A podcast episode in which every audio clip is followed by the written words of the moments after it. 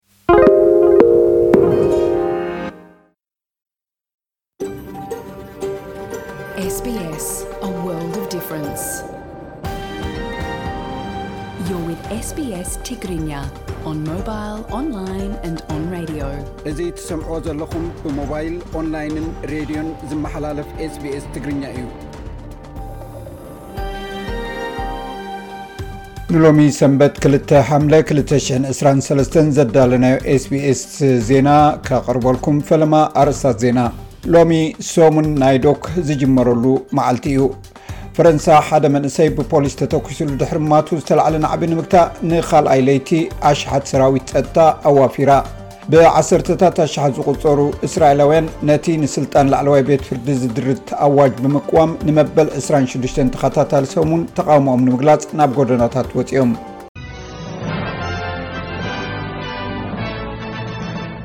ናይዚ ዓመት ቅነ ናይ ዶክ ቴማ ንዓበይቲ ዓድና ወይ ፎር ኣዋር ኢልደርስ ዝብል እዩ እዚ ቅነ ባህላዊ ፍልጠት ንፈጠርቲ ሓድሽ ኩነት መምህራን መራሕትን ነቶም ንመጻኢ ወለዶታት መሰረት ዘንበሩ ዝነብሩ ዘለዉ ደቀባት ንምዝካርን ንምብዓልን ንጥፈታት ዝግበረሉ ሰሙን እዩ።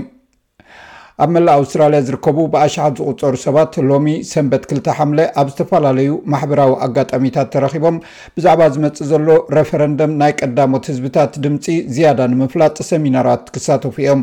ሎሚ ኣብ መላእ ኣውስትራልያ ዝርከቡ ማሕበረሰባት ነቲ ቀዳሞት ህዝብታት ዝዓመምዎ ዕማም ዝዝክርሉ ቅነ ናይዶክ ዝጅምረሉ እዩ።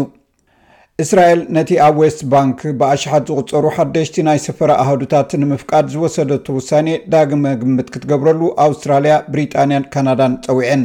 ሰለስቲኤን ሃገራት ቀጻሊ ምስፍሕፋሕ ሰፈራታት እስራኤል ንሰላም ዕንቅፋት ከም ዝኸውንን ነቲ ናይ ክልተ መንግስታት ፍታሕ ንምርካብ ዝግበር ጻዕርታት ብኣሉታ ከም ዝጸሉን ገሊጸን ኣለዋ።